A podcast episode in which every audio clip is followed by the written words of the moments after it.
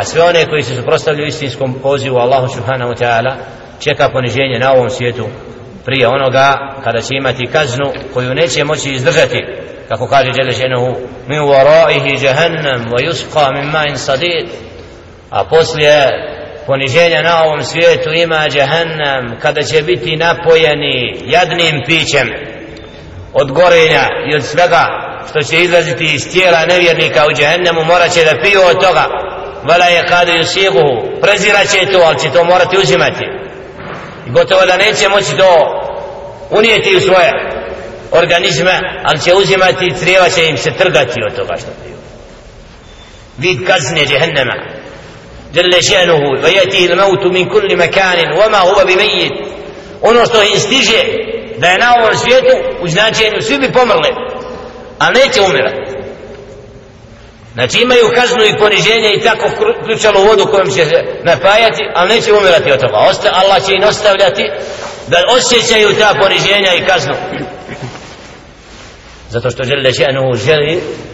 da upravo osjete sve ono što su prkosili uputi onome što bilo od borbe protiv poslani,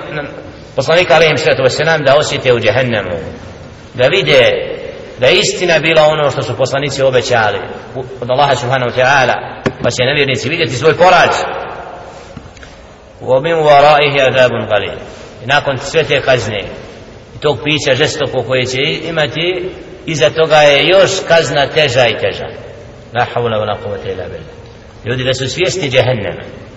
i patnje koja im čeka nakon proživljenja ako nisu vjerovali tako nam gospodara nebesa i zemlje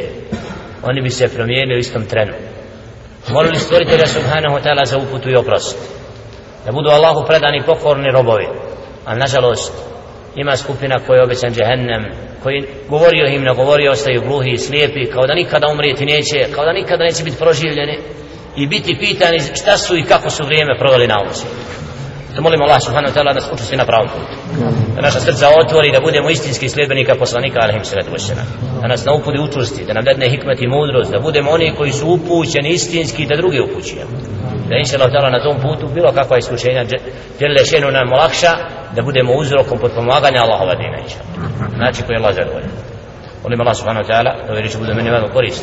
da inša Allah no, dan petka bude od hajera umetu Muhammeda sa vselem da ovu noć sutra dan provedemo onako hodosti jer ovo je bajram sedmični moramo ovaj dan istinski oživjeti da noć učimo Kur'an padamo Allahu na srdu bar dva rekata molim se Allah subhanahu wa ta'ala za uspjeh muslimana da učvrsti istinske pokorne robove, a pa da ponizi sve one koji su nepokorni ima svijet čine. A dova Allaha subhanahu wa ta'ala, sigurno obrat dova Allaha subhanahu wa ta'ala i od oružja koje ima Allah subhanahu wa ta'ala, čeka od nas Allah subhanahu wa ta'ala da se istinski dokažemo kovjeti.